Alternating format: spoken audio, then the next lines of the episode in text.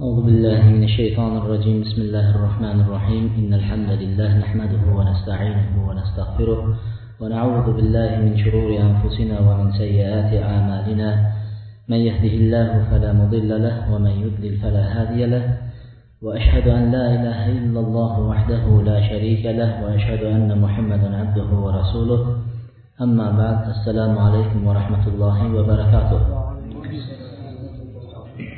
Alloh subhanahu va taoloning go'zal ismlari va buyuk sifatlarini o'rtaga qo'yib so'ragan holatimizda darsligimizni davomiy qilishligini va bu darsdan o'tilingan foydalarga avvalo o'zimni va qolaversa sizlarni amal qilishni so'rab qolaman.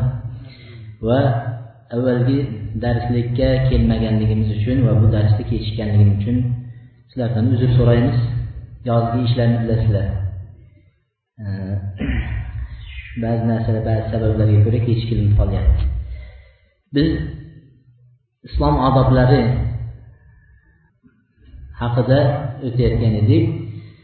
Avvalo alloh bilan bo'lgan odoblar qur'on bilan bo'lgan odoblar payg'ambar alayhissalom bilan bo'lgan odoblarni gapirdik. Endi bugungi darsligimiz payg'ambar alayhissalotu vassalom aytganlariday innal ulama varasatul anbiya. Payg'ambarlar olimlar dedilar olimlar payg'ambarlarning merosxo'rlari deganlar.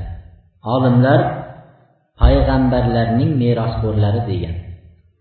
Demak ular bizga alloh subhanahu va taoloning amrini va nahiy qaytargan narsalarini payg'ambarlarga tushgan shariatni payg'ambarlardan keyin bizga olib kelgan haq dinni ko'rsatib turadigan kishilar olimlar bo'lgan.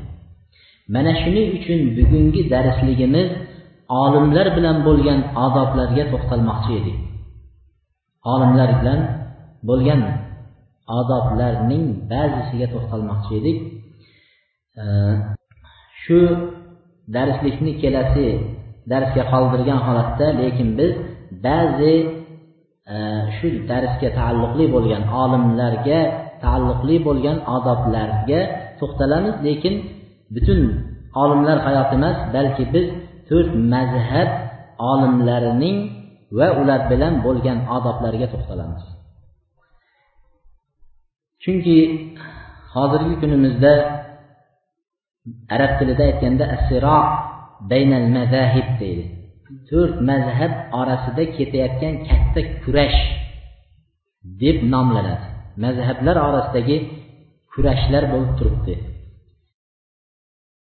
Bu kurashga ilmi bor odam ham bel bog'lagan ilmi yo'q johil odam ham shu kurashga bab barobar bel bog'lagan holatda kirib bormoqda. Shuning uchun biz bu to'rt mazhab haqida e, avvalgi masjidda o'zimizni masjidda o'tgan seminarda aytilingan e, da'vatimiz foydali bo'lganligidan shu da'vatlarni hidoyat sari degan televideniya orqali ham berdik lekin vaqt qisqa bo'lganligidan u yerda to'liqcha tushuntirib berishni imkoni bo'lmadi. Agar shuni ko'rgan bo'lsanglar va undan keyin shu darslik kaseta qilingan holatda berilishligini va juda foydasi ko'proq bo'lganligi talab qilinganligidan biz shu odoblik darsimizda o'sha mazhab imomlarini bilan bo'lgan odoblarga to'xtalishni ixtiyor qildik. Ko'p uchraydigan savollarning biri har ikki odamning har ikki odamga uchraydi va bunga ko'p odam javob berolmasligi berolmaydigan savollardan biri mazhablar qanday chiqib keldi? Va musulmon kishining shu mazhablarga bo'lgan o'rni va mazhablarga qanday qilib amal qilishligi. Hadis kelgan vaqtida mazhabda zaif hadis bo'lsayu payg'ambar alayhissalomdan sahih hadis kelgan vaqtida unda qanday qilib amal qilishligi mana shu narsalarga to'xtalishligimiz juda ham hozirgi kunimizdagi muammolarni anchasini yechsa kerak deb o'ylaymiz. Avvalo fiqh masalalari fiqh deganda masala.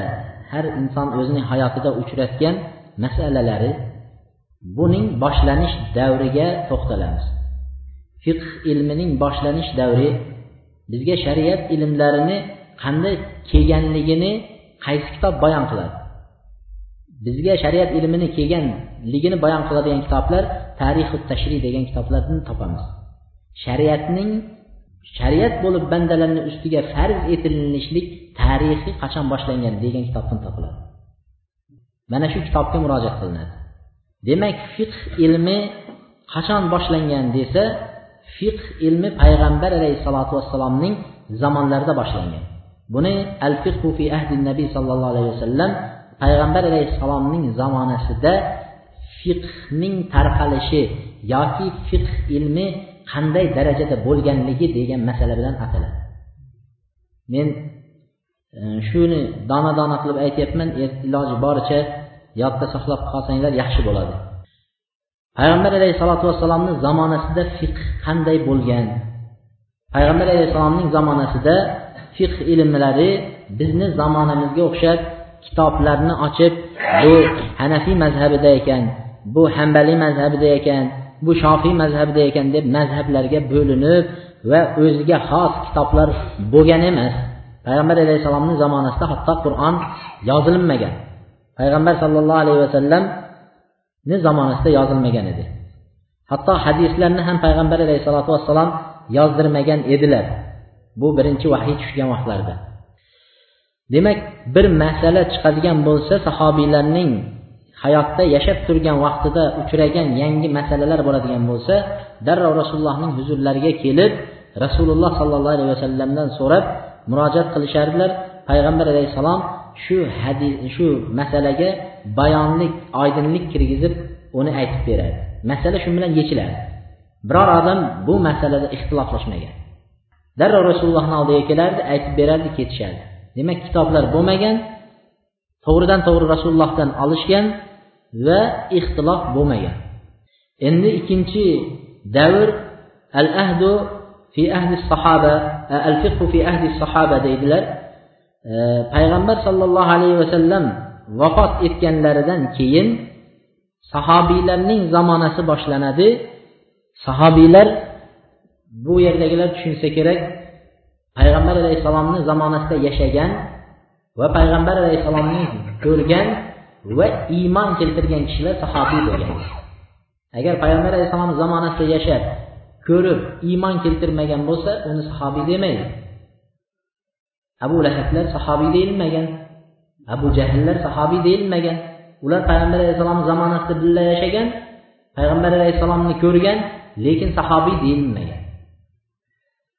Sahobiylarning zamonasida fiqh qanday bo'lgan? Sahobalar zamonasida sahobiylar zamonasida ular har xil shaharlarga sahobiylar tarqab ketishgan. Din da'vatni yetkazish maqsadida butun yer yuziga ular da'vat uchun ketishgan. Va har bir sahobiy o'zining borgan joyida o'zi rasululloh sollallohu alayhi vasallamdan eshitgan hadislari va oyatlar asosida hukm qilgan. Agar bir masala yangi bir masala chiqsa o'zi o'rganmagan shahringizga borsangiz bu yerni urf odatlari va bu yerda biz ko'rib turgan yashab turgan hayotdan ko'ra boshqa joyning boshqa shaharni hayoti o'zgacha bo'ladi va u yerdagilarga hukm berish kerak masalani yechib berish kerak shariatga muvofiq qilib. Shunda qur'on va sunnatdan dalil topmagan vaqtlarida shariatga muvofiq bo'lgan maslahat ya'ni shariat shunga bo'lishligiga rozi bo'ladigan hukmlarni aqllari bilan yetishganlar. Yoki shu yerning urf odatlariga qarab turib urf odatlari shariatimizga muvofiq keladigan bo'lsa shu urf odatlarni ham qabullashgan sahobiylar chunki shariatimizda al urfu muhakkama urf odamlarning urf odatlari shariatda xilof bo'lmaydigan bo'lsa u qabul etiladi degan qoida asosida amal qilishgan bunga dalil payg'ambar sollallohu alayhi vasallam muoz ibn jabalni yaman shahriga jo'natganlar. Yaman shahriga da'vat uchun jo'natgan. Shunda jo'natayotgan vaqtlarida aytdiki ey muoz dedilar siz ahli kitobdan bo'lgan bir qavmning huzuriga ketyapsiz dedilar. Ya'ni ularga kitob berilingan yahud va nasoralarni oldiga boryapsiz. Demak ularda ilm bor.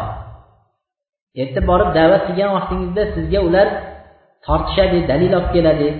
Shunga tayyor bo'lgan sahobiyni rasululloh sollallohu alayhi vasallam jo'natdilar. Chunki muaz ibn jabalni eng olim sahobiylarni olimlaridan edi deb aytishadi. Shuning uchun rasululloh shunday da'vat joyiga o'shanaqa loyiq sahobiyni topib turib jo'natdilar. Shunda ketayotganda ey muaz dedilar nima bilan hukm qilasiz? dedi. Deganlarida ollohning kitobi bilan hukm qilaman dedilar. Agar siz shu masalada allohning kitobidan dalil topmasangiz qanday qilasiz dedilar. Ya'ni qur'ondan dalil chiqmasa qanday qilasiz deganlarida payg'ambar alayhissalomning sunnatlari bilan hukm qilaman dedilar. Agar qur'onda ham sunnatda ham dalil topmasangiz nima qilasiz deganlarida unda ajtahidu biroyi o'zimning royimga ishtihodimga suyangan holatda hukm qilaman dedilar. Ya'ni aqlim bilan o'zimning shariatga muvofiq bo'lgan hukm bilan hukm qilaman dedilar rasululloh sollallohu alayhi vasallam xursand bo'ldilar. Buning bu gaplaridan xursand bo'ldi.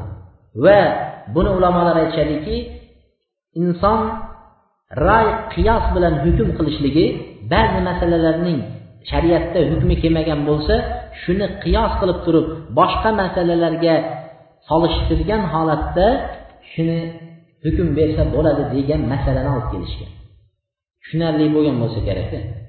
Ya'ni sahobiylarni zamonasida shaharlarga tarqab shaharlarda qanday hukm berganligi ma'lum bo'ldi. Endi sahobiylar har xil shaharlarda yashaganligi sababidan shunday bo'lishi bilan birgalikda ularning orasida ham ixtiloflar bo'ldi. Ixtilof masalalar sahobiylar orasida bo'ldi. Va mana bu ixtilofning chiqib kelish sabablarini ba'zi bir ulamolar ba'zi bir sabablarni zikr qilishgan. Ixtilof chiqib kelish. Birinchi sababi deydi bir sahobiy bir masalada shariatdan alloh tarafidan payg'ambar alayhissalomdan bir hadis eshitadi ya'ni yechim eshitgan. Bir masala so'rab kelsa bir sahobiy shuni payg'ambar alayhissalomni so'ralayotgan vaqtida eshitib o'tirgan. Bu masalani biladi eshitgan. Boshqa sahobiy bu masalani eshitmay qolgan. Shunda bu sahobiy bunday desa boshqa sahobiy yo'q bunday deb turib hukm berishgan.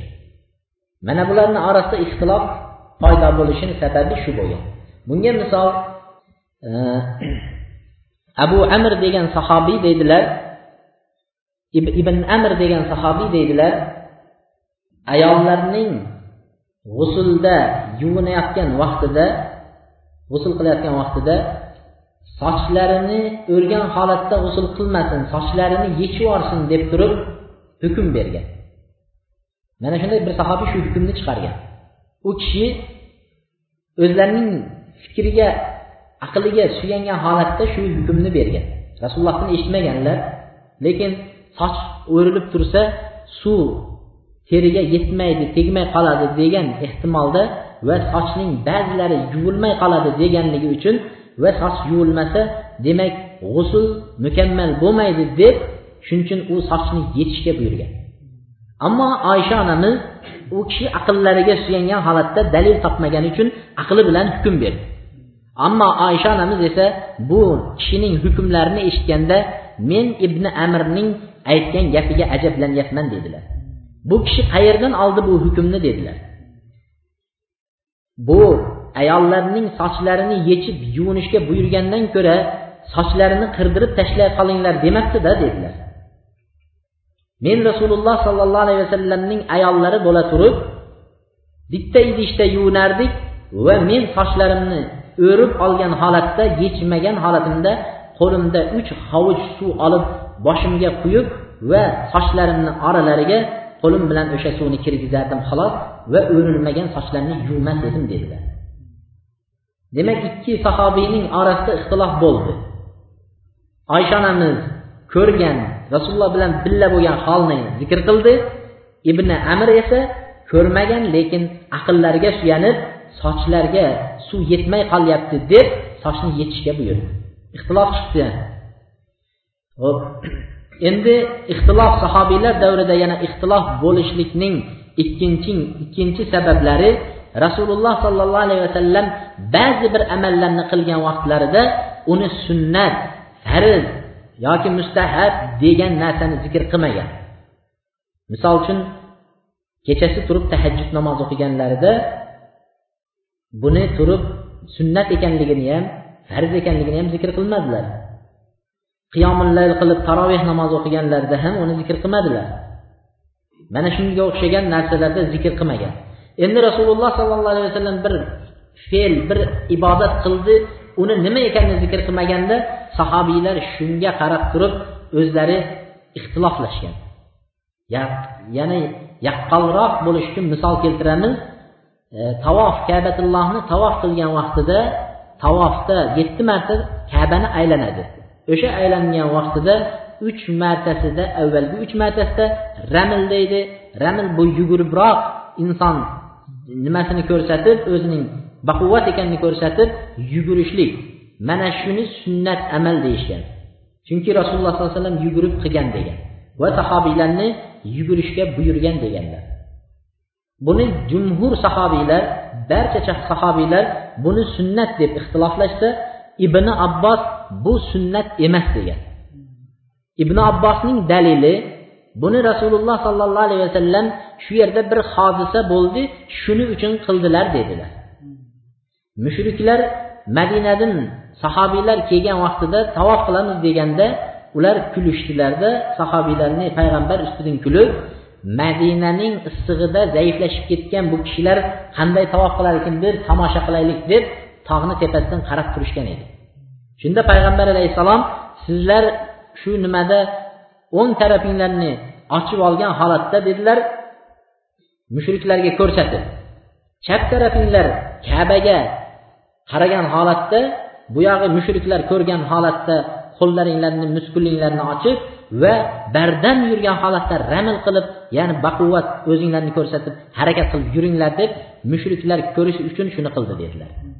Endi hozir makkada mushriklar yo'q bu amalni qilish sunnat emas deb shunday degan demak ikki sahobiy ixtiloflashdimi? Jumhur sahobiy rasululloh qilgan qilishlik sunnat deydi. Ibn abbos esa yo'q hozir uni sababi yo'q mushriklar yo'q shuning uchun uni qilish sunnat emas deyishdi. Demak sahobiylar davrida ixtilofni chiqib kelishi mana shundan bo'lgan.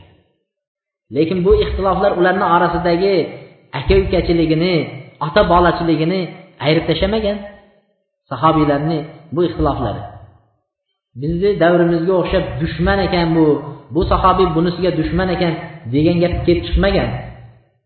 Mana shuni yaxshilab tushunib olishimiz kerak. Demak bu suratdagi ixtiloflar qalblar ixtiloflashmagan suratda bir o'zlari tabili bilan o'zlarining har birini dalillarga asoslangan holatda aytishgan. Endi sahobiylar har xil shaharlarda o'zlarining mana shunday ilmlarini da'vat qilib yetkazib yurishdi. Shular davrida sahobiylarning davrida endi al fi ahdi tabiin tobiinlar davri boshlandi. Tobiinlar davri qanday? Tobiin degani sahobiylarni ko'rgan rasulullohni ko'rmagan kishilar. Rasulullohni vafot etib ketgan ko'rmagan. Lekin sahobiylarni ko'rgan kishilar tobeinlar bo'ladi. Shularning davrida fiqh qanday bo'ldi? Tobiinlar ning ichidan shu zamonda yashayotgan kishilarni ichida katta katta olimlar ahli ilmlar sahobiylarning qo'lida ta'lim olishdi. Sahobiylarni qo'lida dars qilishdi. Bular har xil shaharlarda dars qilishdi. Kufa bag'dod deymiz iroq. Mana shu joylarda misol abu hanifaga o'xshagan katta zabardast olimlar ular katta katta sahobiylarning qo'llarida ta'lim olishdi. Va boshqa tobiinlar sahobiylarni qo'llarida ta'lim olishdi. Juda ko'p tobiinlar ta'lim oldi har xil shaharlarda. Shuning uchun ular har xil shaharda ta'lim olganligi uchun biri birinchidan ustozini ilmidan boshqa ilm olmasdan faqat o'zini ustozini ilmiga suyanishdi. Va ikkinchisi fatvolar shu yerdagi shaharga munosib fatvolar berilganligi uchun o'sha fatvolarga asoslangan holatda fatvo berishdi. Shuning uchun bularning fatvolari har xil bo'ldi. Iroqda bag'dodda berilgan fatvo bilan shomda berilayotgan fatvolarda ayirmachilik juda katta bo'ldi. Zamonga va shu joyning odamlarning urf odatlariga suyangan holatda fatvolar berildi. Tushunarli bo'ldimi? Al masalihil mursala degan qoidalar bor. Nimaga ba'zi odamlar savol berishi mumkin? Nimaga shariat zamonga ham qarab o'zgarib ketaveradimi? Va makonga ham qarab o'zgarib ketaveradimi? Bu bir xil turmaydimi deydi. Shariat zamondagi chiqayotgan har bir yangi chiqayotgan narsalarni shu zamonga munosib qilib va shu yerning urf odatiga binoan hukm beriladigan shunday narsa. Misol aytadigan bo'lsak hozirgi kunda minilayotgan mashinalar va osmonga parvoz qilayotgan samolyotlarning hukmlari qanday bo'ladi? Minsa bo'ladimi bo'lmaydimi? Payg'ambar alayhissalom zamonida bo'lmagan. Endi shu zamonga qarab turib unga hukm beriladi. Tushunarlimi? Endi ayollar shu mashinalarni minsa bo'ladimi yo'qmi degan masala qo'yiladi. Rasululloh sollallohu alayhi vasallam zamonasida ayollar tuya mingan. Oysha onamiz tuyalarni minganlar. Demak shu vaqtda tuya mingan ayollar hozirgi kunimizda mashinalarning minishlikka haqqi bormi degan savollar chiqadi. Bu savollar shu zamonga qarab turgan holatda nima qilinishi kerak? Fatvo beriladi. Lekin aytamizki endi biz yo'q. Rasululloh sollallohu alayhi vasallam zamonida ayollar tuya mingan bo'lsa hozirgi zamonda ayollar mashina minishga haqqi yo'q degan fatvo berilgan. Chunki u vaqtdagi tuyalarni yo'llarda to'xtatib misol uchun tekshirilmagan. Bunday oladigan bo'lsak postlardan o'tib tekshirilib dokumentlari tekshirilib har bir postga kirib ayollar misol e, o'zini kim ekanini tanitib dokumentlari bilan e, bunaqa bo'lmagan. Hozirgi vaqtimizda esa har qanday mashina haydovchisi bu narsaga muhtoj bo'lganligi uchun ayollar shunday holatlarga uchrab qolmasligi uchun ulamolar ayollarni minishligi mumkin emas deb fatvo bergan. Demak fatvolar zamoniga qarab o'zgaryaptimi o'zgariladi va bu ishoralarning svetoforlarning chiqishligi bularning hukmi qanday deydigan bo'lsa bular ham payg'ambar alayhissalom zamonasida bo'lmagan va endi kelib chiqilgan narsalar bularni ham shariatda har bir narsani hukmi bor. Shuning uchun bir odam ajablanmasinki shariat bu o'zgarib turar ekan degan narsa kelmasin. Shariat har bir zamonga loyiq qilib alloh taolo tushirib qo'ydi. Va bu esa masalihil mursala shu zamonga durust keladigan hukm bilan hukm chiqarishadi ulamolar. Har bir odam chiqaravermaydi hukmni. Ho'p sahobiylarning demak zamonasida ixtilof bo'lishni sababi tobiinlar zamonasida ixtilof bo'lishni sababi shu bir joyning olimini hukmini olganligi va ikkinchisi esa shu joyning urf odatiga binoan hukm qilinganligi uchun ixtiloflar kelib chiqqan. Iroqdagi olingan fatvo bilan misrdagi fatvolar bir xil bo'lmagan. Shuning uchun shofiiy rahimaullohni birinchi iroqdagi fatvosi yangi eski fatvo va misrga ko'chgan vaqtida boshqadan fatvo bergan yangi fatvolari deb shunday ataladi. Eski fatvosi va yangi fatvosi deb ataladi. Mana shunaqa har joyni o'ziga qarab turib va shu yerga munosib qilib turib shariatimizdan fatvo bergan. Endi mazhablarning endi tobiinlar davrida boshlanib chiqib kelishligi va bu mazhablar biz bilgan faqat to'rt mazhab bo'lmagan. Mazhablar juda ko'p mazhablar bo'lgan. Mazhab degani bir olim mahkam ulamo olim bo'lib shuni atrofiga shu davrda yig'ilgan shogirdlarning ushlagan yo'llari bir mazhab hisoblangan. Hozirgi kunimizda misol uchun oladigan bo'lsak qorabuloqdagi darslar berayotgan kishi va darslarga qatnashayotgan kishilarni va ularning berayotgan fatvolari bilan mankentimizdagi bo'layotgan bir kishining da'vati va uning shogirdlarini fatvolari u ikki mazhab hisoblangan shu vaqtda. U kishining mazhabi deyiladi bu kishini mazhabi deb shunday ismlangan har bir olimni o'zining fatvosi va o'zini shogirdlari bo'lgan mana shuni mazhab deb shu bir to'da kishilarning yo'li yo'llanmasi deb ismlangan bular juda ko'p bo'lgan o'n besh yigirma olimlar bir zamonda yashasa bularning har birini o'zini shogirdlari bo'lgan misol uchun sufyon ibn uyayna sufyon savriy tovus mana bularga o'xshagan katta katta olimlar bo'lgan. Bularni ham o'zini shu vaqtda davrida o'z ilmiga suyanib va o'zi fatvo bergan birovni fatvosini olmagan. Mana shunaqa katta olim bo'lganligi uchun o'zi qur'on sunnatdan va unda topmagan narsalarni ishtihodi bilan ya'ni dalil o'zi aqli bilan dalillab shunday aytganligi uchun ular mazhab bo'lgan lekin bu mazhablar qolmaganligining sababi ularni shogirdlari ustozlarining ilmlarini kitobga tushirib va uni saqlab qolmaganligi uchun. Ular o'lgandan keyin shogirdlari boshqa kishilarni qo'liga shogird bo'lib ketib qolganligidan ularning mazhablari yo'q bo'lib ketgan. Tushunarli bo'ldimi? Ular o'lishi bilan uni shogirdlari boshqa kishilarning qo'llariga shogird bo'lib ketib qolganligidan haligi birinchi ustozning yo'lini ushlab uni kitoblarini yozib qoldirmaganligidan ularning kitoblari mazhablari yo'q ketdi. Faqat biz bilgan to'rt mazhabgina qoldi. To'rt mazhabgina biz bilgan to'rt mazhabgina qoldi.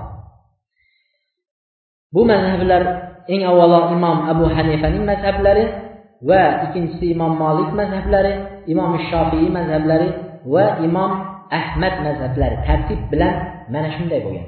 Bularni chalkashtirib oralashtirib aytmaslik kerak. Chunki ularni tarixlariga to'g'ri kelmay qoladi. Demak chiqib kelishlarini tushunarli bo'ldi. Mazhablar qanday chiqib kelganligi.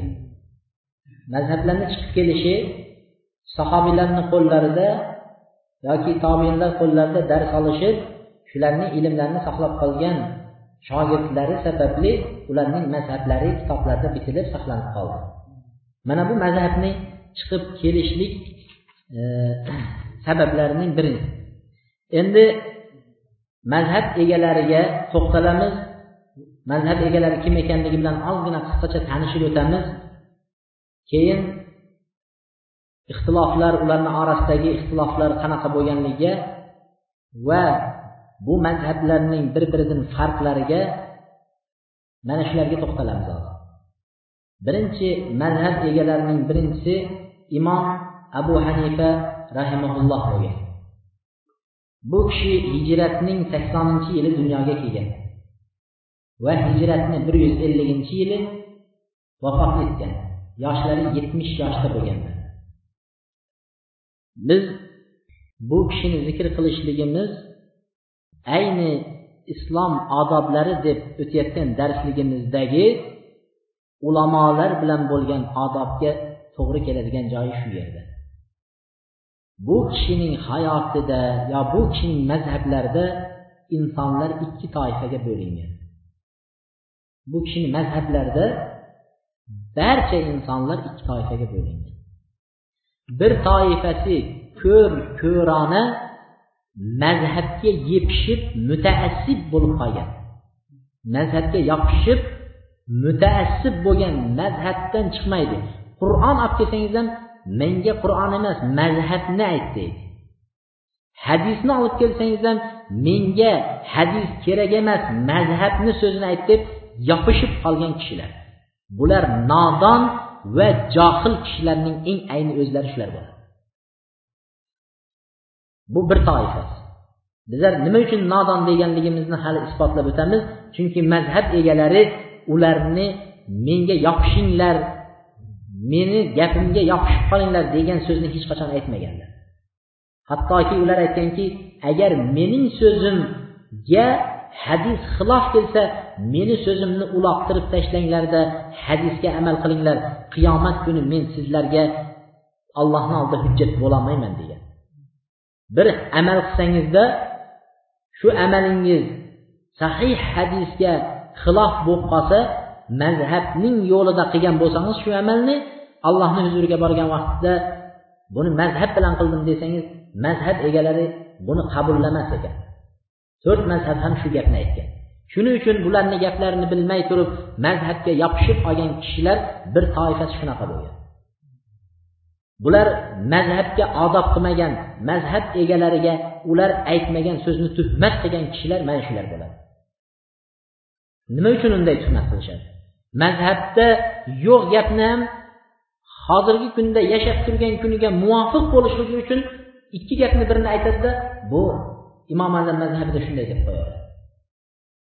Aslida qarasangiz imom azam mazhabida umuman unaqa gap yo'q. Ikki gapni aytadida o'zini havoyi nafsiga durust keltirish uchun imom azam mazhabida shunday deydi. Mana hozirgi kunda bo'layotgan to'ylarni xabaringlar bor. Islomiy to'ylar hammamizga ma'lum bo'lyaptiki to'y qilayotgan kishilar chet ellarda o'qib kelib mana bunga da'vat qilganlar va bular vahobistlarning yo'lini tutgan kishilar islomiy to'y qilyapti deb gazetaga ham chiqdi. Jang'ara jungur bilan qilayotgan qizil to'ylar aroq qo'yilayotgan to'ylar imom azam mazhabiga durust bo'lgan to'ylar ekan. Shu gapni aytayotgan odam bu kishiga tuhmat qilishdan allohdan qo'rqishi kerak. Imom azamning aytgan gaplarini mana birodarimiz bilan birga kitobda ko'rdik. Istimaul g'ina fisq va talazzuz bihi kufr degan gaplari bor.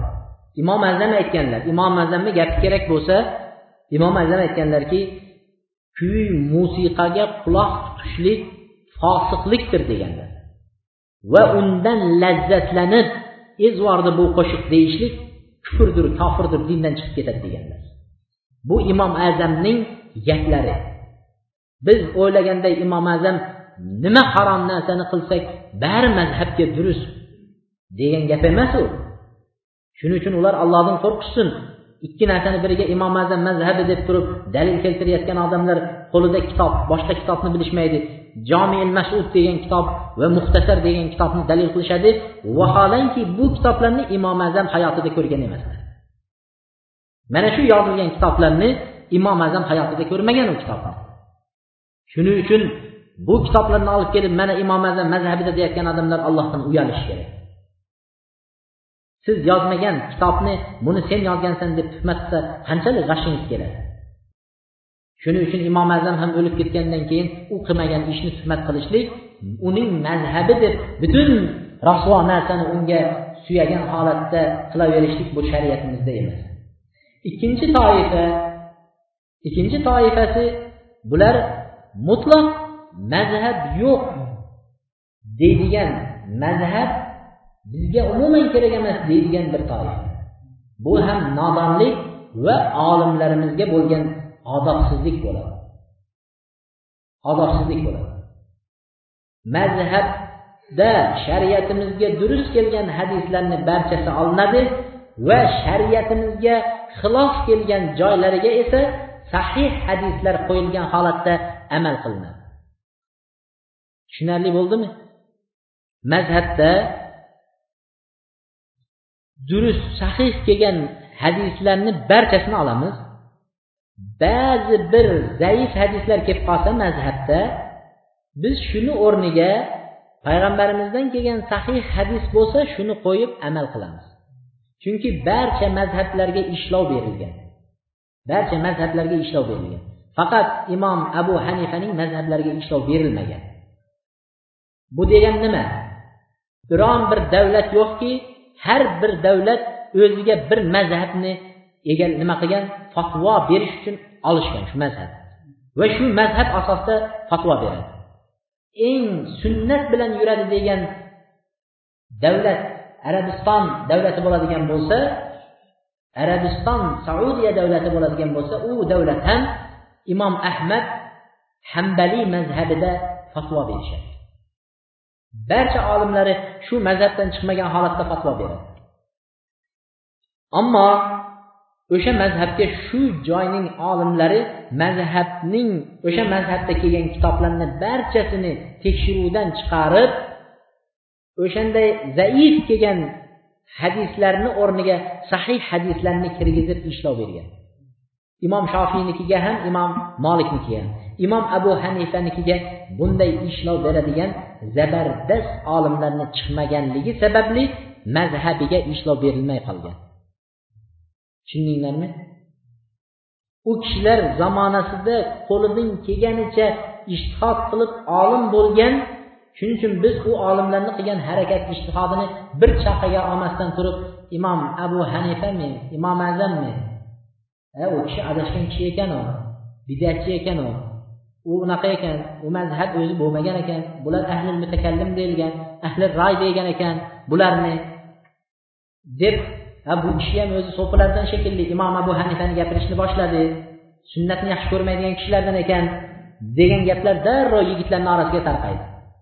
Buni olimlar hozirgi kunimizda zamonaviy zamonamizdagi olimlardan ibn boz usaymin rahimaullohga o'xshaganlar bu to'rt mazhabni butun ahli islom qabullagan ijmo qilgan uni hech kim endi uch mazhabga tushirib qo'yishga bu abu hanifani mazhabi bo'lmagan deb uchga tushirishga haqqi yo'q deyishgan.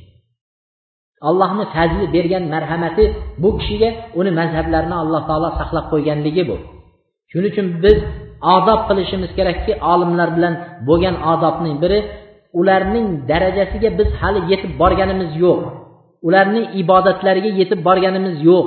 Ularni ilmlariga yetib borganimiz yo'q va yetolmaymiz ham ularni taqvosiga yetib borganimiz yo'q. Endi shunchalik qilgan olimlarni biz arzimagan naqaga tilimiz bilan shunday e u odam qanaqa olim emas u deb yuborishlikdan allohdan qo'rqish kerak. Allohdan qo'rqish kerak. Shuning uchun bir kishi bir amal qiladi deydi. Va bir kishi bir gapni unga ko'ngil bo'lmasdan oqibati nima bo'lishiga ahamiyat qilmasdan bir gapiradi va o'zi bilan jannatdan dedilar yetmish yillik masofaga uzoqlashtirib yuboradi deydilar. Arzimagan tilimizdan shunday chiqib ketadi. Bir olim haqida so'ralsa u olimni yo yaxshi yo yomon yo rasvo deb turib bemalol aytaveradigan bo'lib qolganmiz. Bir kishi haqida so'rasa darrov u haqda to'liq ma'lumot berishlikka allohdan qo'rqmagan holatda aytamiz. Buni g'iybat ekanligi bu olim ustidan gapirayotganligimiz oddiy bir kishini ustidan gapirsangiz o'zi oxiratni kuydirib qo'yishimizni biz nimamizga ham keltirmaymiz xayolimizga mana shu safiya oysha onamiz aytdilarki safiya onalarimizni ko'rsatib aytdilarki safiya onalarimiz dedilar kichikroq ekanlar kichikroqlar dedilar bo'ylari pastak dedilar.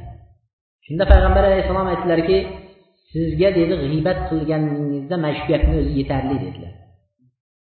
Shunda men ya rasululloh agar shu sizni gapingizni dedilar dengizga tashlaganda dedi dengizni suvlarini sasitib yuborgan bo'lardi dedilar.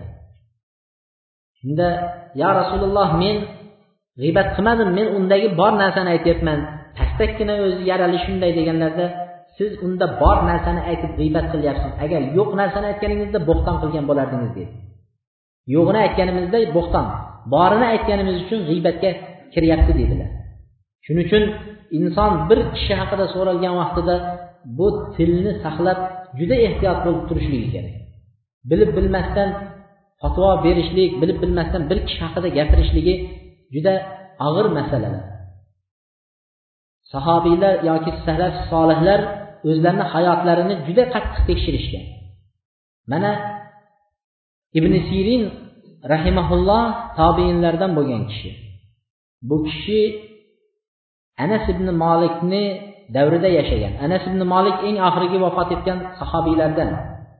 payg'ambar sollallohu alayhi vasallamdan keyin to'qson yil yashadi deydilar payg'ambar alayhissalom vafotidan keyin to'qson yil yashagan ekan yoshlari yuz o'n beshlarda shunlarda vafot etgan payg'ambar alayhissalomni huzurida o'n yil xizmat qilgan sahobiylardan biri shunda payg'ambar alayhissalom allohim أكثر ماله وولده وبارك له فيما أعطيت allohim sen uni moliga va farzandlariga baraka ber Va bergan narsalaring e, mol va farzandini ko'paytir va bergan mol farzandingda barakat ber deb duo qilganlar.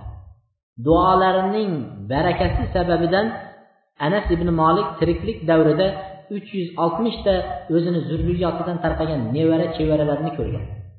uch yuz oltmishtasi uzun hayot ko'rgan sahobiylarni biri. Shu kishi vafot etayotgan vaqtlarida meni jasadimni dedilar.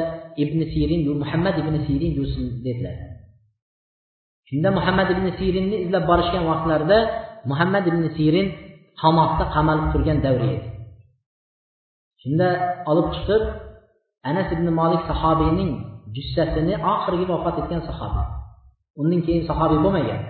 Shuni jussasini anas ibn molik yuvganlar e, muhammad ibn sirin yuvganlar yuvganlarida yub bo'lib dafnlab aytganlarida so'rashgan siz nimaga qamoqda o'tiribsiz? Shunchalik martabangiz katta tobinlardan ekansiz deganlarida men qirq yil avval bir gunoh qilganman dedilar. Shuni jazosini endi tortyapman dedilar.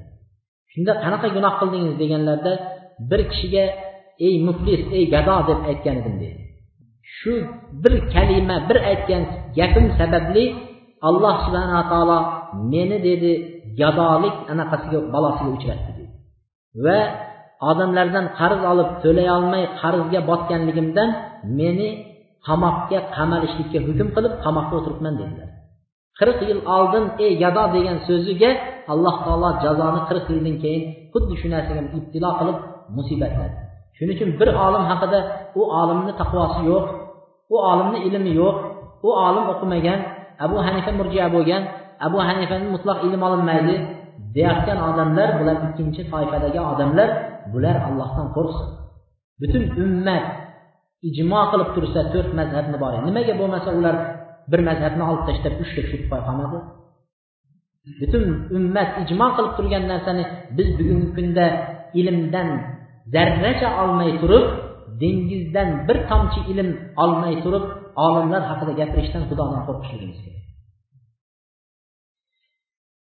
Abu hanifaning abu hanifa tijoratchilar uyida xonadonida dunyoga kelgan va dadalari deydi bu rivoyatni qanchalik sahih ekanligini allohu alam dadalari sobit ismlari nomon ibn sobit bo'lgan abu hanifa. Bu birodarimiz aytganlariday men u misolni ham keltirib o'tdim. Ba'zi kishilar mazhab mazhab deb tortishayotgan kishilarga taajjublanasiz. Abu hanifa bunday debdi deb aytsa aytar ekanki abu hanifani qo'ygin uni gapini olib kelma menga imom azamdan gapir deyishadi. Mazhab mazhab deb fido bo'lib jon berayotgan kishilar mazhab nima ekanini o'zi bilmaydi. Abu hanifa kim ekanini bilmaydi. Abu hanifa bunday degan desa sen abu hanifani aytma bizga. Bizga imom azamdan ayt der ekan. Bu imom azam deganlari abu hanifa kunyalari laqablari ismlari no'mon ibn sobit degan kishilar. Menga o'tganda bir joyda bir kishi savol beryapti. Bu savolni agar esimdan chiqmagan bo'lsa yigirmanchi marta berishi bo'lsa kerak.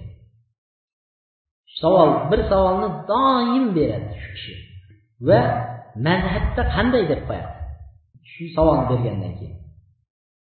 Men aytdimki siz dedim bu savolni berishingizdan avval dedim yaxshi berdingiz dedim sizə cavab verişimdən əvvəl sizdən məzhəbini yaxşı görəsimi deyib soramaqçımən deyim. Məzhəbdən çıxıb getdi, başqa yolda yürübsünüzmü, ya məzhəbini yaxşı görəsimi deyirsən, men məzhəbdəki adamman deyirsən. Unda dedim məzhəbinin egəsi, o'sha məzhəbni boshchisini ismini to'liq aytingchi desam qarab o'tiribdi. Ismini bilmaydi. Məzhəbdəki kelingan kitoblardan ikkitasini aytingchi dedim. Ikkitasini zikr qiling desam ikkita kitobni ismini men ichini aytmayapman kitobni ichida nima yozilgan deganim yo'q. Ikkitasini ayting desam ikkitasini zikr qilib beraman. Men aytdimki siz dedim mazhabdagi odam emas ekansiz vahobiy ekansiz. Dedim durustda mazhabni bilmagandan keyin imom azamni ismini bilmasa uni kitoblarini bilmasa u aytayotgan gapi butun ummatni adashtirayotgan shunaqa kishi bo'ladida. Shunday deb aytdi. Chunki tuhmatlar bizga shunday bo'lgandan keyin biz ham o'zlariga hal jazaul ehson illal ehson mukofoti o'ziga o'xshagan mukofot bilan qaytadida har bir narsani o'zini javobi shunday bo'ladi. Demak u kishining dadalari deydilar sobit deydilar dadasi noman uni endi bobolari sobit ali roziyallohu anhuni huzurlariga yosh davrlarida bolalik vaqtida dadasi bilan borgan deydilar. Va ali roziyallohu anhuga podshohlarning dasturxoniga taqdim qilinadigan foluja degan taomni qo'ygan deydilar. Shunda ali roziyallohu anhu bu o'g'lingizmi deganlarda ha bu meni o'g'lim sobit deganlarida alloh subhanahu va taolo umriga va zurriyotingizga baraka bersin deb duo qilganlar deganlar. Mana shunday rivoyatlar kelgan ekan. Nomon ya'ni abu hanifa. Abu hanifa nomon imom azam deyiladi. Bu kishi tijoratchilar xonadonida bo'lganligi uchun shu xonadonning yashaydigan va kasbi bilan shug'ullandi tijoratchi bo'ldi. Lekin bugungi kunimizda bizning tijoratchilarga o'xshagan tijoratchi emas edi. Biz tijorat qilamiz xosatan hozirgi kunda musulmonman deyayotgan birodarlar bilan ham oldi berdi qilib ko'rib keyin sahobiylar bilan tobiinlarni davrini eslab yig'laysizda oldi berdi qilib ko'rganingizdan keyin. Shuning uchun u kishi tobiinlardan bo'lgan noman rahimaulloh bu omonatlik savdogarlardan edi. Buning nimasiga shu qilgan omonatli ekanligiga ba'zi bir dalillarni keltirishib aytadiki bir kuni huzurlariga deydilar bir ayol kelib qoldi. Kelib bozorda mana bu kiyimni olasizmi deb abu hanifaga berdilar dedi. Shunda abu hanifa nechi pul deganlarida yuz dirham yoki dinor dirham dedilar. Shunda e, ayol aytdilar. Shunda abu hanifa aytdilarki bu yuz dirham emas dedilar. Bu qimmat turadi deganlarida ayol ikki yuz dirham beraqan dedilar. Shunda abu hanifa ikki yuz dirham bo'lmasa kerak bu ikki yuzdan qimmat dedilar.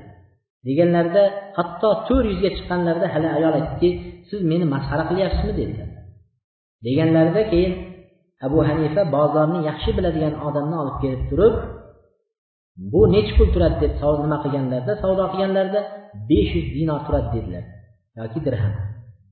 Keyin abu hanifa o'sha pulga ayoldan besh yuz dirhamga shu kiyimni sotib oldi deydi. Endi hozirgi kunda qaysi kishi misol bozorga olib chiqqan narsasini e, birovdan olayotgan bo'lsa ustiga narx berib turib oladi? Xuddi shunga o'xshagan savdo hozir topiladimi? Mana bu omonatlik taqvodor odam ekanligiga dalolat qiladi. Bir musulmonning haqqi bekordan bekor ketib qolmasin deganligiga dalolat qiladi. Shuning uchun rasululloh sollallohu alayhi vasallam nimaga savdo savdogarlar bozorga kirmay turib yo'lda ularning yo'liga chiqib narsalarni sotib olishdan qaytargan. Mol bozorga borayotgan molni bozorga kirmasdan turib eshikning tashqarisidan turib sotib olishdan qaytarilgan. Mol bozorga chiqayotgan birodarlar bo'lsa yaxshi bilib olsin. Chunki olib kelayotgan kishi bozorga bir yilda bir marta tushadigan kishi bo'lsa bozor qanaqa ekanligini bilmasligi mumkin va bu odam bu moling ellik mingga turadi deb turib yuz minglik molni ellik mingga olib qo'yishi mumkinda haligi kishi aldanib qolishi mumkin. Bozorning ichiga kirgandan keyin bozorni ichidagi savdo hech bo'lmaganda bu ziyon bo'lsa ham lekin haliginikidan ko'ra kamroq bo'ladi ziyon. Bozor savdosi beriladi bozorni ichida. Shuning uchun boyagi bozorga kirilmasdan turib yo'lda to'sib olib savdo qilishdan payg'ambar alayhissalom qaytarganlar mana bu imom abu hanifa ham xuddi shunga o'xshab bu kelgan ayol bozorni bilmaydigan kishilarga bozorda buning narxi necha ekanligini bildirib turib keyin sotib olganlar. Ilm talab qilish sabablarini zikr qilganlarida ulamolar abu hanifa qanday ilm talab qildi deganlarida ulamolar aytishganki bir kuni abu hanifa shabiy degan olimning huzuridan ko'chada o'tib ketayotganlarida shabiy abu hanifani chaqirdilar. Shunda kimlar bilan aralashib yuribsiz deya abu hanifa deganlarida men bozorda savdogarlar bilan aralashib yuribman dedilar. Unda shabiy aytdilarki men bozorni nazarda tutmayapman. Olimlardan kimlarga aralashyapsiz? deganlarida imom abu hanifa aytdiki men olimlarga ko'p aralashmayman dedilar. Shunda shabiy katta olim kishi aytdiki agar siz dedilar shu olimlarga aralashsangiz yaxshi bo'lardi chunki sizda to'liq aql va zakovat bor ilm oladigan dedilar. Abu hanifa aytadiki mana bu aytgan bir og'iz kalimasi mening qalbimda ilmga bo'lgan muhabbatni uyg'otdi deganlar. Shuning uchun bu uyimizda farzandlarni tarbiya qilayotgan vaqtda adab tarbiyatil avlad bolalarni tarbiya qilish odoblari degan temada inshaalloh aytamiz farzandlarni sendan hech narsa chiqmaydi. Sen odam bo'lmaysan degan kalimalarni ishlatmaslik kerak. Ularga olim bo'lasan senda bunaqa xislat bor. Seni unaqa xislat bor deb turib doim maqtashlik yaxshi bo'ladi. Va ko'proq sen arab tilini o'qisang va sen ilm o'qisang katta olim bo'ladigan turqing bor ekan degan kalimani ishlatsa yaxshi bo'ladi. Bizdagilar bo'lsa iloji boricha sen traktorist bo'lasan sen buxgalter bo'lasan sen unaqa bo'lasan deb qo'yadi. Insonni qalbi shunday narsa. Darrov bitta kalima bilan o'zgarib ketishi mumkin. Shuning uchun biz imom molikni hayotiga kelganda xuddi shu narsaga to'xtaymiz. Imom molikni hayotida onalari imom molikni hayotlarini o'zgartirgan kishilarning biri imom molikni onalari bo'lgan. Demak mana shu sabab bo'ldi deydilar men ilm talab qilishlikka onalarim sabab bo'ldi dedi. Imom abu hanifani hadisda hadis ilmida va fiqh ilmlaridagi manzilati qanaqa bo'lgan? Ba'zi odamlar hozir aytdiki imom abu hanifa hadis bilmagan hadisda yurmagan deydigan kishilarga olimlar imom abu hanifa haqida qanday nima berishgan? Tazkiyalar berishgan. Va u kishiga ulamolar qanday maqtov so'zlarni aytganligini aytamiz. Albatta olimlar ular bizga o'xshab fosiq bo'lmagan. Biz birovni nima qiladigan bo'lsak shunday yuziga ko'ziga qarab turib foyda keladigan bo'lsa sizdan yaxshi odam yo'q deb maqtaymiz. Foyda kelmaydigan bo'lsa eng rasvo odam ekan deb turib aytib qo'yamiz o'ylanib o'tirmasdan u imomlar olimlar unaqa bo'lmagan. Ular bir odamni maqtaydigan bo'lsa haqiqatdan shunda shu sifat topilganligi uchun maqtagan. Agar shu sifat topilmasa to'ppadan to'g'ri yomonlab qo'ya qolgan. Bizga o'xshab ikki yuzlamachilik bo'lmagan. Shuning uchun abu hanifa haqida maqtagan olimlarga to'xtalamiz. demak shunday olimlar agar abu hanifani maqtagan bo'lsa bugungi kunda biz abu hanifaga til tekkizishlikka hech qanday haqqimiz yo'q ekanligiga iqror bo'lamiz قال خلف ابن أيوب صار العلم من الله إلى محمد ثم صار إلى أصحابه ثم صار إلى التابعين ثم صار إلى أبي حنيفة وأصحابه فمن شاء فليرضى ومن شاء فليسخط خلف ابن أيوب degan kishi aytdilarki ilm dedilar Alloh tarafidan muhammad alayhissalomga berildi dedilar. Muhammad alayhissalomdan sahobiylarga ko'chdi. Sahobiylardan tobiinlarga o'tdi va tobeinlarni ichida abu hanifaga berildi dedilar. Kim xohlasa shunga rozi bo'lsin kim xohlamasa g'azab qilsin baribir abu hanifaga berilgan ilmga nuqson yetkazolmaydi shu kungacha abu hanifaning davridan shu kungacha tosh otishyapti lekin abu hanifani ismini o'chirib yuborolmadi. va uni mazhabini olib tashlay olmadi qachon aytadigan bo'lsak to'rt mazhab deb kitoblarda zikr qilinadi hech kim uni o'zgartira olmayapti xohlasin unga rozi bo'lsin xohlasin g'azab qilsin uni olib tashlay olmaydi hola abu yusuf rahimaulloh shogirdlari abu yusuf aytadilarki ما رأيت أحدا أعلم بتفسير الحديث من أبي حنيفة وقال أيضا كان أبو حنيفة أبصر أبصر بالحديث الصحيح مني أبو حنيفة دنكر حديث نين تفسيرني بلوچرق آدم نكر مجن من ديگنler أبو حنيفة دنكر hadis tafsirlarini sharhlarini biluvchi odam ko'rmaganman deydilar abu hanifa sahih hadislarni mendan ko'ra yaxshi bilar edi deganlar demak shunday olimlar shunday deb turgan bo'lsa abu hanifa hadisni shunchalik biladi deb bugungi kunda abu hanifa hadis bilmagan murjiya bo'lgan deyayotganlarchi قال عبد الله بن داود degan kishi aytadilarki يجب على أهل الإسلام أن يدعو الله لأبي حنيفة في صلواتهم وذكر حفظه عليهم السنن والفقه dedilar ahli islomga dedilar besh vaqt namozlarda abu hanifaga duo qilishlari vojibdir chunki bizga dedilar abu hanifa fiqh masalalarini va sunnatni saqlab qolgan kishilarning biri abu hanifa edi dedilar Fiqhni va hadisni saqlab qolgan kishilarning biri abu hanifa edi. Shuning uchun u kishiga ahli islom namozlarida duo qilishi vojib deganlar bu bizga namozda alloh rahmat qilsin deyishni o'rniga biz u kishiga tosh otib tursak qiyomat kunida holatimizga voy bo'ladi.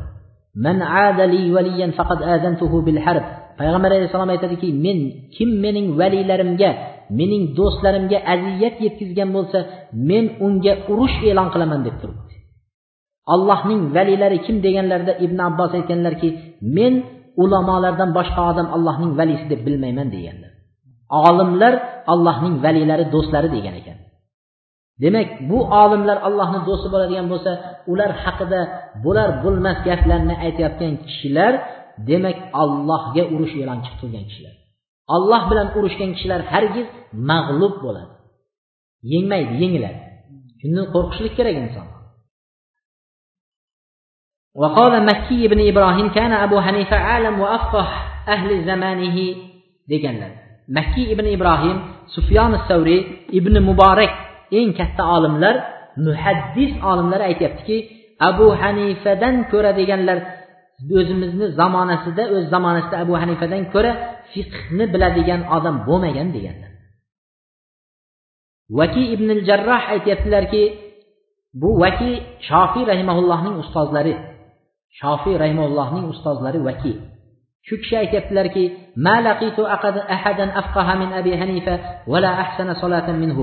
men abu hanifadan ko'ra faqihroq va ko'p yaxshi namoz o'qiydigan odamga yo'liqmaganman deganlar shofiyni ustozlari shunday deb maqtasa va boshqa imomlar maqtayotgan bo'lsa biz buni zikr qilishimizni maqsad shuncha imomlar maqtagandan keyin biz qanday jur'at etamiz bu kishini haqlariga gapirishlikka demoqchimiz.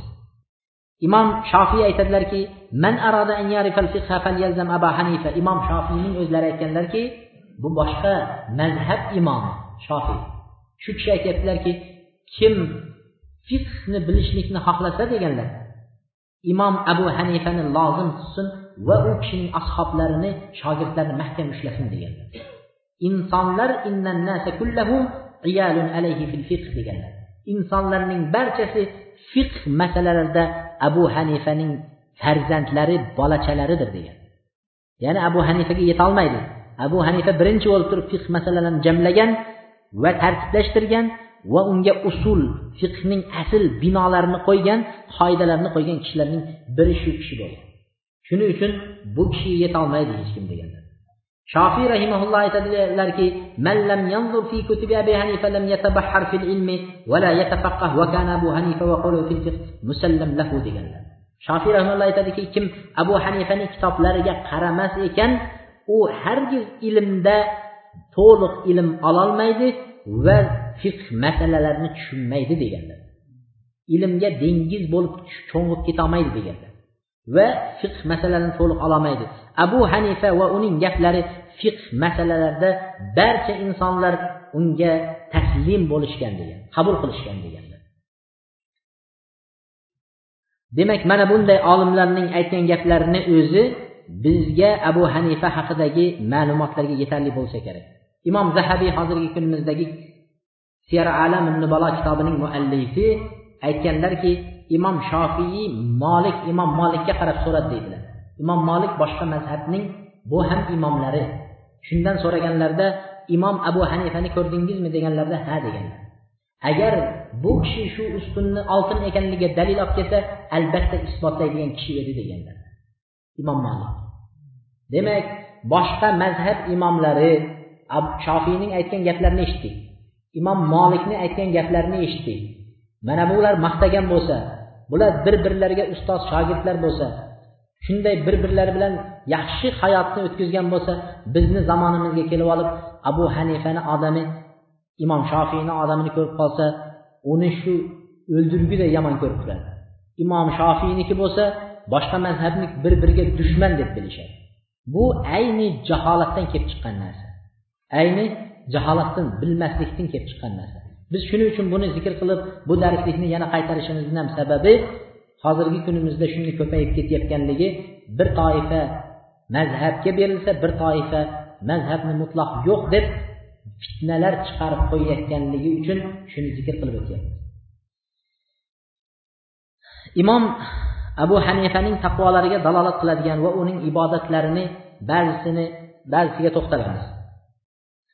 kana abu hanifa yusammal salatihi abu hanifa ko'p namoz o'qiganliklaridan ustun deb nom olgan ekanlar ustun deb nom olgan namozda qimirlamay turgan ekan shuning uchun ustun deb nom olgan deydilar عن أسد بن عمر أن أبا حنيفة صلى العشاء والصبح بوضوء أربعين سنة أسد بن عمر deydilar abu hanifa qirq yil davomida deganlar xufton namoziga qilgan tahorati bilan bomdod namozini o'qidi deganlar xuftonni o'qigandan keyin bomdodgachayin namoz o'qib zikr qilib qur'on o'qib bomdodgacha uxlamagan bomdod namozini o'sha xuftondagi tahorati bilan o'qidi deydilar qirq yil allohni kechasi bilan ibodat qilgan kishi biz bir kun yo bir hafta tunda turib allohga iltijo qilmaymiz yana bunday ibodat qilgan odamlarga har xil gap aytamiz عن محمد بن حسن بن القاسم أن أبا حنيفة قام ليلة يردد قول الله تعالى محمد بن حسن قاسمdan aytish rivoyat qiladiki abu hanifa bir kuni kechasi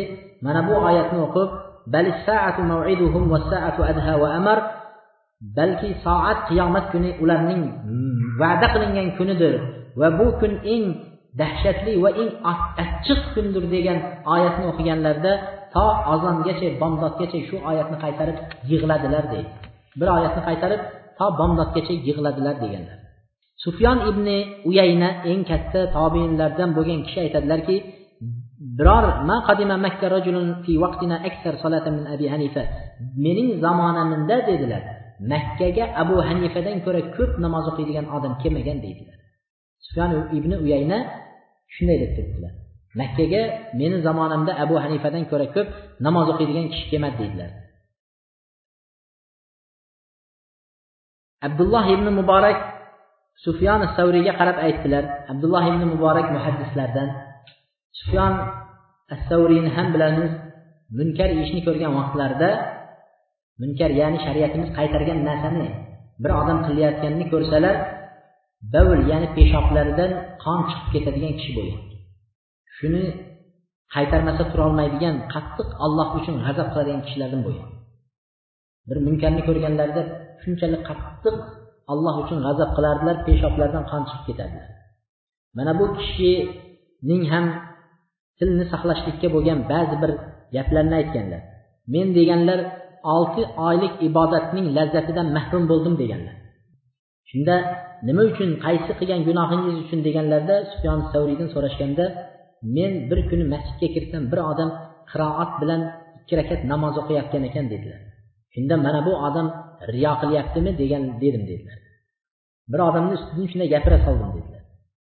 Mana shu gapirgan gapimning sababiga alloh subhanaa taolo dedilar olti oy meni ibodat lazzatidan mahrum qilib qo'ydi dedi. Bir kishiga bilib bilmasdan bir odam bu riyokor bu xo'ja ko'rsinga qildi bu hajga xo'ja ko'rsinga borib keldi puli ko'p bo'lgani uchun borib keldi uni haji haj emas degan masalani aytayotgan kishilar juda allohdan qo'rqishlari kerak. Juda ham juda ham allohdan qo'rqish kerak. Bu ibodat bu allohning ixtiyoridagi narsa. Xohlasa uni alloh taolo qabullaydi xohlasa qabullamaslik bu allohning irodasidagi narsa. Biz shu gap bilan aytishimiz bilan o'zimiz u kishiga emas allohga jur'at qilib alloh bilan kurashmoqchi bo'lganligimizni izhor qilyapmiz. Bani isroilda ikki kishi bo'lgan deydilar. Biri doim gunoh qilib yurardi deydi. Ikkinchisi bu sahih hadislarda muslim va buxoriyda kelgan hadislarda zikr qilinyapti. Ikkinchisi esa doim ibodatda yurgan deydi. Ibodatda yurgan kishi narigi oshnasiga qarab turib do'stiga qarab gunoh qilayotganda topib olardida qachongacha shu gunohni qilasan? Endi allohga ibodat qilsang bo'lardi deb shunday aytadi yana bir marta ikki marta uch marta aytdi. Uchinchi marta topib olganlarida bir gunoh qilib turganlarida qattiq g'azablari chiqibdi haliginga qarab sen qachongacha shunday qilasan? deganlarida haligi oshnasi aytdiki abu itta muroqiban alayya meni tekshirib yurish uchun sen jo'natilganmisan dedilar. Gunoh qilsam men qilyapman sen meni tekshirib yurasanmi doim shu gapni aytasan dedilar. Shunda haligi kishi ibodat qiladigan kishi qattiq g'azablari chiqqanligidan alloh subhana taolo seni kechirmaydi dedilar. Shu gunohni qilganing uchun kechirmaydi dedi.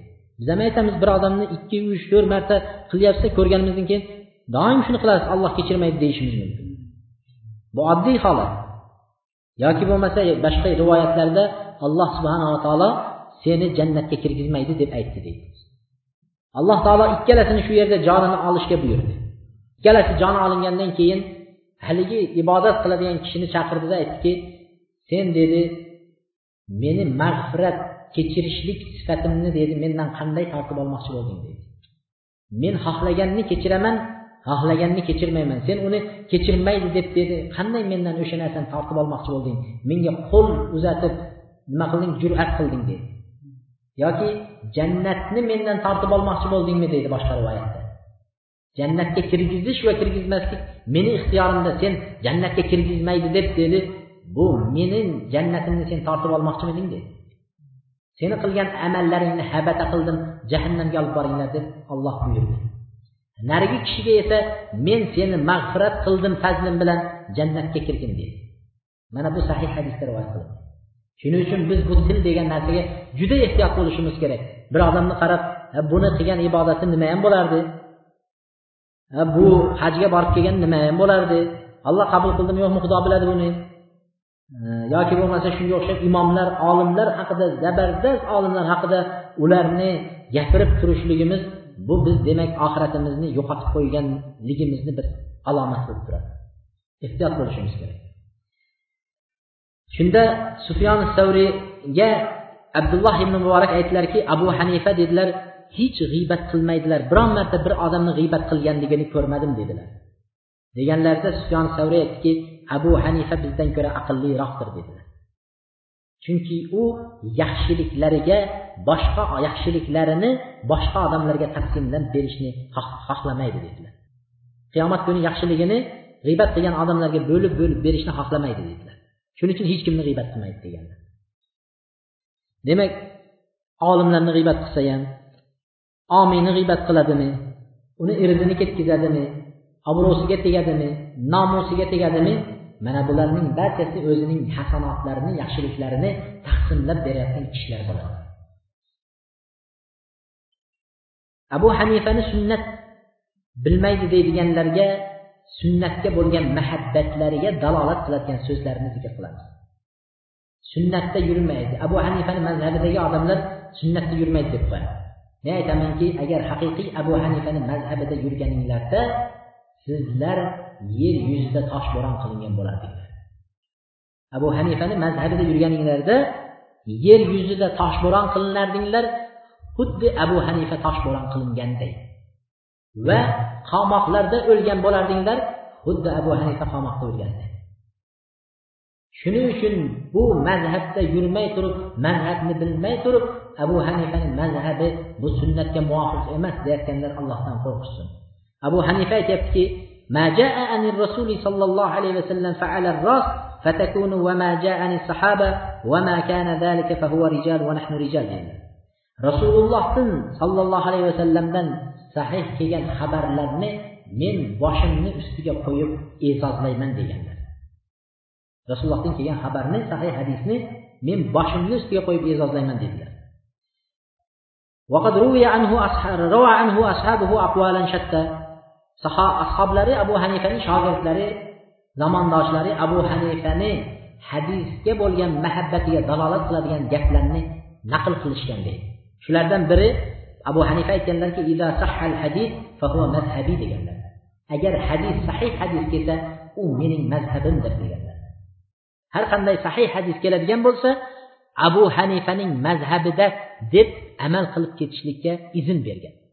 Shuning uchun bir hadisni olib bir hadis sahih hadis kelgan vaqtida mazhabda shunga teskari gap kelib qoladigan bo'lsa yo'q bu mazhabda kelmagan biz mazhabdagi gapni olamiz deb qotib qolishlik bu mazhab imomlari buyurmagan narsa shu joyda hadis kelganligi uchun biz hadisni qo'yib o'shanga amal qilib ketishga bizga mazhab imomlari o'rgatgan ayni fiqh mana shu ikkinchisi لا يحل لأحد أن يأخذ بقولنا ما لم يعلم من أين أخذنا biror odam bizning dalilimizni qayerdan olganimizni bilmay turib bizni gapimizni aytishligi halol bo'lmaydi degan. Abu hanifa shuning bir gapni nima uchun aytgan va shuni dalili nima ekanini bilmay turib imom azam shunday degan ekan abu hanifani mazhabida shunday ekan deyishlik halol bo'lmaydi degan. Demak harom hisoblanadi. Mana shunday deydigan odamlar hozir ko'payib ketdi. Ikki gapni birda imom abu hanifa shunday degan ekan imom azam shunday degan ekan deb rivoyatlar aytadi. Bir ajoyib rivoyatlar. Yosh chaqaloq ham aytsa bunga kuladigan rivoyatlarni keltiradi. Bu narsalar durust emas. Haramun ala man lam yarif dalili an yufti bi kalami.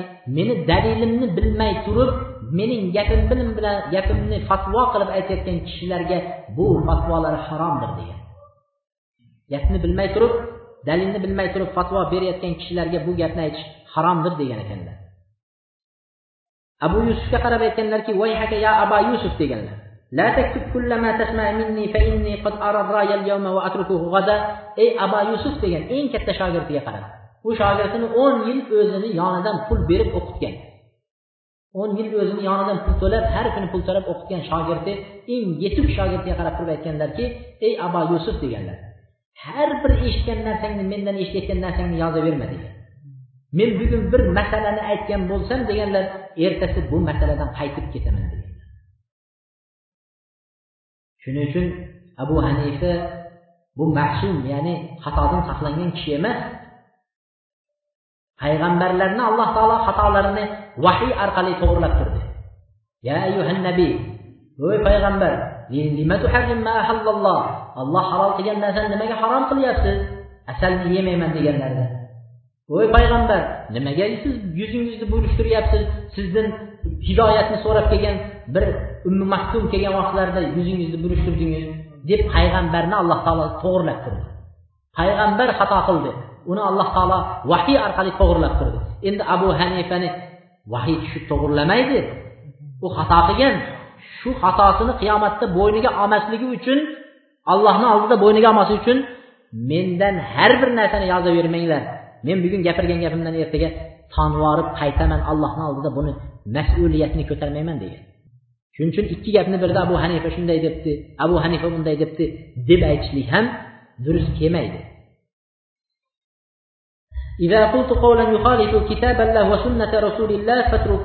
Agar mening gapim dedilar allohning kitobi va payg'ambar alayhissalom sunnatiga xilof bo'lsa dedilar meni gapimni olmanglar deganlar. Demak bu barchasi payg'ambarni hadislarini e'zozlab unga muhabbat qo'yganligimi yoki bo'lmasa hammaga meni gapimni olinglar boshqasini qo'yaveringlar sizlar hadis tushunmaysizlar qur'onni tushunmaysizlar men aytganini qilsanglar yaxshi bo'ladi deydi. Unaqa demadi. Shuning uchun ehtiyot bo'lishlik kerak. Abu hanifa tobinlardan hisoblanadi. Chunki u kishi anas ibn molikni ko'rgan deganlar shuning uchun ibn hajar aytadilarki abu hanifa tobiinlardan anas ibn molik sahobiyni ko'rganlar degan ekanlar.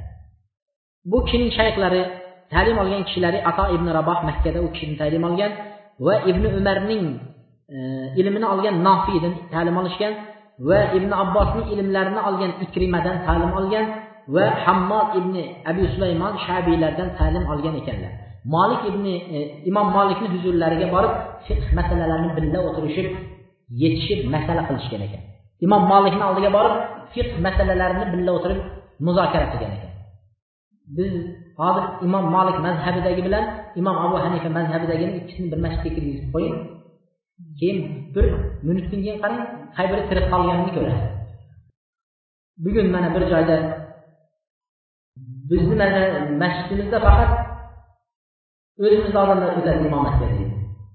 Ya'ni boshqa mazhabdagilar o'tib qo'ysa namoz botil bo'ladi degan e'tiqod borda bir mazhabdagi odamga boshqa mazhabdagi odam iqtido qilsa namozi botil bo'ladi degan shunchalik adovat dushmanga yetib kelgan. Buni din dushmanlari ummatni bo'lib bo'lib tashlash uchun mana shu narsani olib kelgan. Ummat birlashmasa bular bo'linib bo'linib ketishib turib bir birlariga tosh otib dushmanchilik qilib yurishi uchun shunday deyilgan. Shuning uchun aytishadiki bular shunday narsa chiqargan. Unday deydigan bo'lsak makkaga borib hambaliy mazhabini orqasida turib namoz o'qib kelayotgan odamlarning barini namozi botil haji botil bo'ldi deb aytishimiz to'g'ri keladi. Lekin bu narsani hech kim jur'at bilan aytolmaydi durustmi? Hajda hambaliy mazhabdagi imomga iqtido qilasiz. Xohlang va xohlamang shuni orqasida namoz o'qiysiz. Imom shofiy rahimaulloh hambaliy mazhabidagi kishining E, hanafiy mazhabidagi kishining orqalariga kelib namoz o'qigan orqasiga kelib namoz o'qigan. Bular bir birini orqasida turib namoz o'qishlikni bu dushmanchilik deb bilmagan. Bir birlariga ehtirom hurmat bilan bo'lishgan. Lekin bizni zamonamizda shunday bo'lib qoldi. Shuning uchun mana shu narsani inson qalbidan chiqarib tashlash kerak. Sabboba qilib qo'yadigan bo'lsa bu qaysi mazhabda ekan deb endi o'ylanib uxlayolmay chiqadi. Buni orqasida namoz o'qisa bo'larmikin? Yo'qmikin deydi. Bizga bir odam imomatchilikka o'tibdi namozda turib sabboba qilib bilmay qoldim namozimni qaytadan o'qidim deydi. Mana shunchalik adovatga kelgan. Bir odam adashib amin desa namozda turib ikkinchisi aytyaptiki ikkinchi marta amin deganimni eshitmay deyapti. Sabri chidamadi uni namoz tugaguncha. Amin deb yuborgan yoki shunga o'xshagan shunchalik adovat dushmanchilik ko'payib kuchayib ketgan. Bu narsalarga chek qo'yish kerak endi abu hanifa haqida avvalda ham hozirda ham biz aytganday ba'zi bir tuhmatlar bo'lgan. Lekin bu kishilarning hayotida ba'zi bir olimlarning keltirgan o'sha e, qissasi juda ibratli. Abdulloh ibn muborak aytadi men shom shahriga avzoiyning huzuriga keldim deydi imom avzoiy bu kishi katta tobeinlardan juda katta olimlardan biri. Avzoiy buni hech kim ixtiloflashmagan bu kishi haqida. Abdulloh ibn muborak haqida ham hech kim ixtiloflamagan. Mana bu olimlar endi bu kishiga tazkiya berib maqtaganligi o'zi yetarli. Shunda keldim deganlarida avzoiy abdulloh ibn muborakka qarab ey xurasonlik sizlarning shahringlarda dedilar. Ya'ni xurasonda bir adashgan bidatchi chiqibdi. Dedilar. Bu bidatchi abu hanifa degan kishi ekan. Qanaqa u deb so'radilar.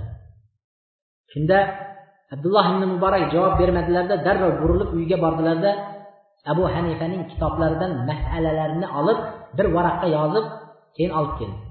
Olib kelib uch kundan keyin avzoyni qo'llariga berdi.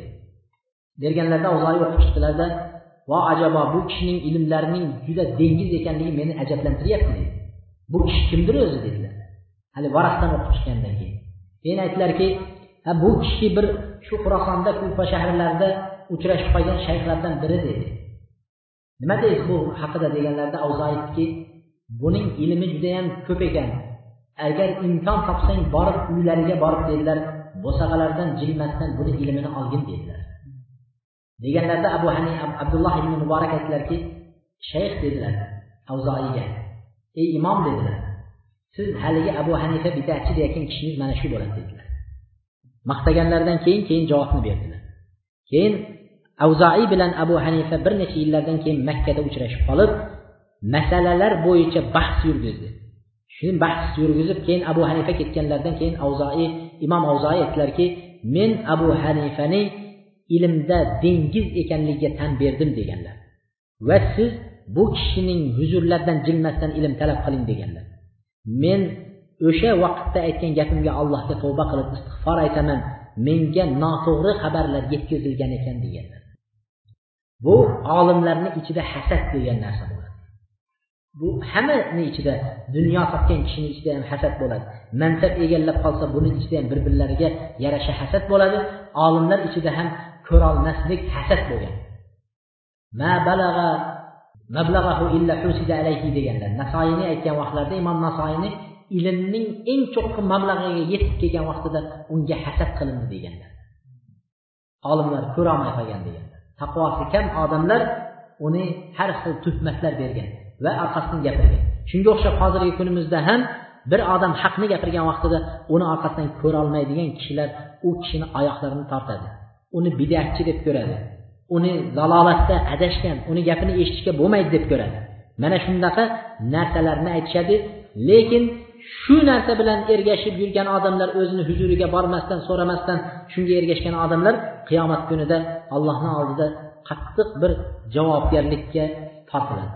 Shuning uchun har bir odam bir narsa yetgan vaqtida o'ziga borib so'rash kerak. Siz haqingizda menga mana bunaqa gap aytilyapti nima deysiz degan savolni qo'yish kerak. Insonni o'zidan so'ralishi kerak. Ho'p biz vallohu alam bugun barcha mazhablar anaqasiga to'xtalib o'tolmaymiz shekilli. Vaqt bo'lib qoldi puxtani hozir to'xtataman. Abu hanifani vafotlari bilan to'xtay qolamiz. Chunki bu kishini hali gapirsak gap ko'p ekan kitoblarga qarasak ana kuni men bu birodarimiz yo'q boshqa joyga borib men internetga kirdim. Internetga kirib turib al madahibul arbaa to'rt mazhab deb bir bossam internetning to'rt mazhab haqida million kitob chiqib ketdi. Qaysinisini o'qishni bilmay qoldim. Keyin shoshganimdan bu to'rt mazhab haqidagi kitoblarni qaysinisini ko'rishni ham bilmagandan keyin men aimmatul madahibil arbaa to'rt mazhab imomlari deb yozsam to'rt mazhab imomlari haqidagi yozilgan kitoblar undan ham ko'p ekan. Endi men qisqa narsani izlayapman tezroq o'qib chiqadigan narsani. Keyin imom abu hanifa deb yozgan edim u haqda yozilgan kitoblar tiqilib yotgan ekan. Endi aytmoqchi bo'lganim bu bir dars bir imomni hayotini yetmaydi. U kishi yetmish yil yashagan bo'lsa bizga kamida o'ttiz besh yil kerak u kishini hayoti haqida gapirish. Shuning uchun bizlar juda qisqa qilib turib yetib ketyapmiz. Bu u kishining bir odam haqida gapirsa ba'zi odamlar haqida gapirsangiz haligi judayam fazilati ko'p bo'lgan odamni juda ko'p yaxshilik qilgan odamni bu birodarimiz deb qo'ya qolsangiz ba'zida g'ash keladida nimaga hammasini aytmayapsiz deydi nimaga butunlay meni yaxshilab tanishtirmayapsiz deydi haligi falon masjidni imomi taqvodor alloma arabistonlarda yigirma yil o'qigan bunaqa bunaqa fazilatlarni ham zikr qilib o'tsangiz bo'lardi deydi. Yana achchig'i chiqadi. Biz imom abu hanifadan uzr so'raymiz achchiqlari chiqmasin. To'liq uni hayotini yetkazib berolmaganligimizga hayotlarini to'liq aytolmaganimizga u kishilar achchig'i chiqib qolmasin deyapmiz. Ya'ni biz uni hayotlarini to'liq yetkazolmaymiz baholi qudrat qo'limizdan kelgancha yetkazyapmiz. Alloh u kishilarni rahmat qilgan bo'lsin. U kishini vafotlariga kelib to'xtaymiz. Imom abu hanifa haqida al hatib al bag'dodiy va abu muhammad al harifiy mana bu rivoyatlarni keltiradi. O'z zamonasida abu jafar al mansur degan xalifa imom abu hanifani zamonasida abu jafar al mansur degan xalifa hokim xalifa abu hanifani huzurlariga chaqirdilar va ey imom dedilar siz qozilik hukmini qilasiz dedilar. Qozilik hukmini qilgandan keyin ularni gapini gapirishga to'g'ri keladi. Bir joyga kelganda bo'lmaydigan masalani bo'ladi deb fatvo berishga to'g'ri keladi. Shundan keyin abu hanifa aytdilarki men bu narsani eplay olmayman qo'limdan kelmas ekan dedilar. Deganlarida abu mansur abu jafar mansur aytdilarki siz yolg'on aytyapsiz deb baqirdilar. Baqirganlarida abu hanifa aytdilarki taqsir siz dedilar o'zingizga o'zingiz hukm berdingiz dedi. Chunki qozi bo'ladigan kishi yolg'onchi bo'lsa u qozilikka yaramaydi dedi. Meni siz yolg'onchi yolg'on aytyapsan dedingiz dedi. Sizday odam meni yolg'onchi degandan keyin boshqa odamlarga men yolg'on bilan hukm bera olmayman dedilar. Shunda abu jafar mansur qattiq g'azablari chiqdida abu hanifani olib borib dedilar qamoqqa tashlanglar zindonga dedilar. Va xalqning ko'zini oldida dedi urib dedi qattiq azob beringlar hatto qozilikka bo'yinsinib dedi shu rozi bo'lmaguncha uringlar shunda abu hanifani sudrab olib kelishib bozorda xalqni ko'zini oldida urib yetmish yashar cholni qattiq azoblashib hatto aytdilarki boshlari yorilib ko'zlari va yuzlaridan to'lib qon oqib turganini ko'rdim deganlar. Va mana shunday qattiq azoblarni berganlaridan keyin keyin zindonda unga ovqat va suv berish man etildi. Ovqat va suv e-, berish man etilganlaridan keyin abu hanifa qattiq qiynalib yoshlari keksa chol kishi allohga duo qildiki yo parvardigoro meni bunday azoblagandan ko'ra jonimni agar olsang shu menga yaxshi bo'lsa jonimni ol deb duo qildilar mana bu duolardan keyin besh kundan keyin vafot etdi. O'zlari zindonda turgan holatda vafot etdi. Shuning uchun abu hanifa abu hanifa deyayotganlar agar haqiqatdan ham abu hanifaning gaplari bilan mazhabida yurishganlarida ular toshbo'ron qilinardi xalqning ko'zini oldida urilardi zindonlarga tashlangan bo'lar edi agar haqiqiy uni mazhabini ushlaganda. Bizning hozirgi vaqtimizda ushlanayotgan mazhablar o'zgartirib yuborib nafsimizga munosib kelgan bir mazhabni chiqarib qolib shuni abu hanifani mazhabi deb yuribmiz. Alloh bu kishilarning barchasidan rozi bo'lsin va ularni alloh taolo rahmat qilgan bo'lsin. Biz yana keyingi darsligimizda bu odob olimlarga bo'lgan odob bobi bo'lganligi uchun biz shularga to'xtalyapmiz. Keyingi darsimizda qolgan uch imomning hayotiga juda qisqacha to'xtalamiz va bu mazhabdagi vasatiyga o'rta holat bo'lishlik va mazhab hadis va qur'on turgan vaqtida mazhabga qanday amal qilishlik va mazhabdan chiqib ketishliklarning hukmlari va shunga o'xshagan joylarga to'xtalib fitna bo'lgan vaqtida hadislarga amal qilinayotgan vaqtida fitna bo'lsa qanday qilib ularni to'xtatishlik yoki fitna bo'lsa ham shu hadisni ko'tarib boyroq qilib olib yuramizmi yoki to'xtatamizmi degan masalalarga keyingi darsda allohning tavfiqi va irodasi bilan to'xtalib o'tamiz. Va astag'firulloh va alloh subhanava taoloning go'zal ismlari buyuk sifatlarini o'rtaga qo'ygan holatda so'raymizki alloh subhana taolo bu darslarimizni davomiy qilsin va bu darslarimizda aytayotgan masalalarimizga alloh taolo avvalo o'zimni va qolaversa sizlarni amal qilishinglarni alloh hammamizga nasib qilgan bo'lsin va mana bu majlisimizni alloh sevgan majlislardan qilib bu majlisimdan turgan vaqtlarimizda sizlar turinglar men sizlarni gunohlaringlarni barchanglarni mag'firat qildim deb gunohlardan mag'firat bo'lgan holatda turishligimizni alloh taolo nasib qilgan bo'lsin. Allohu akbar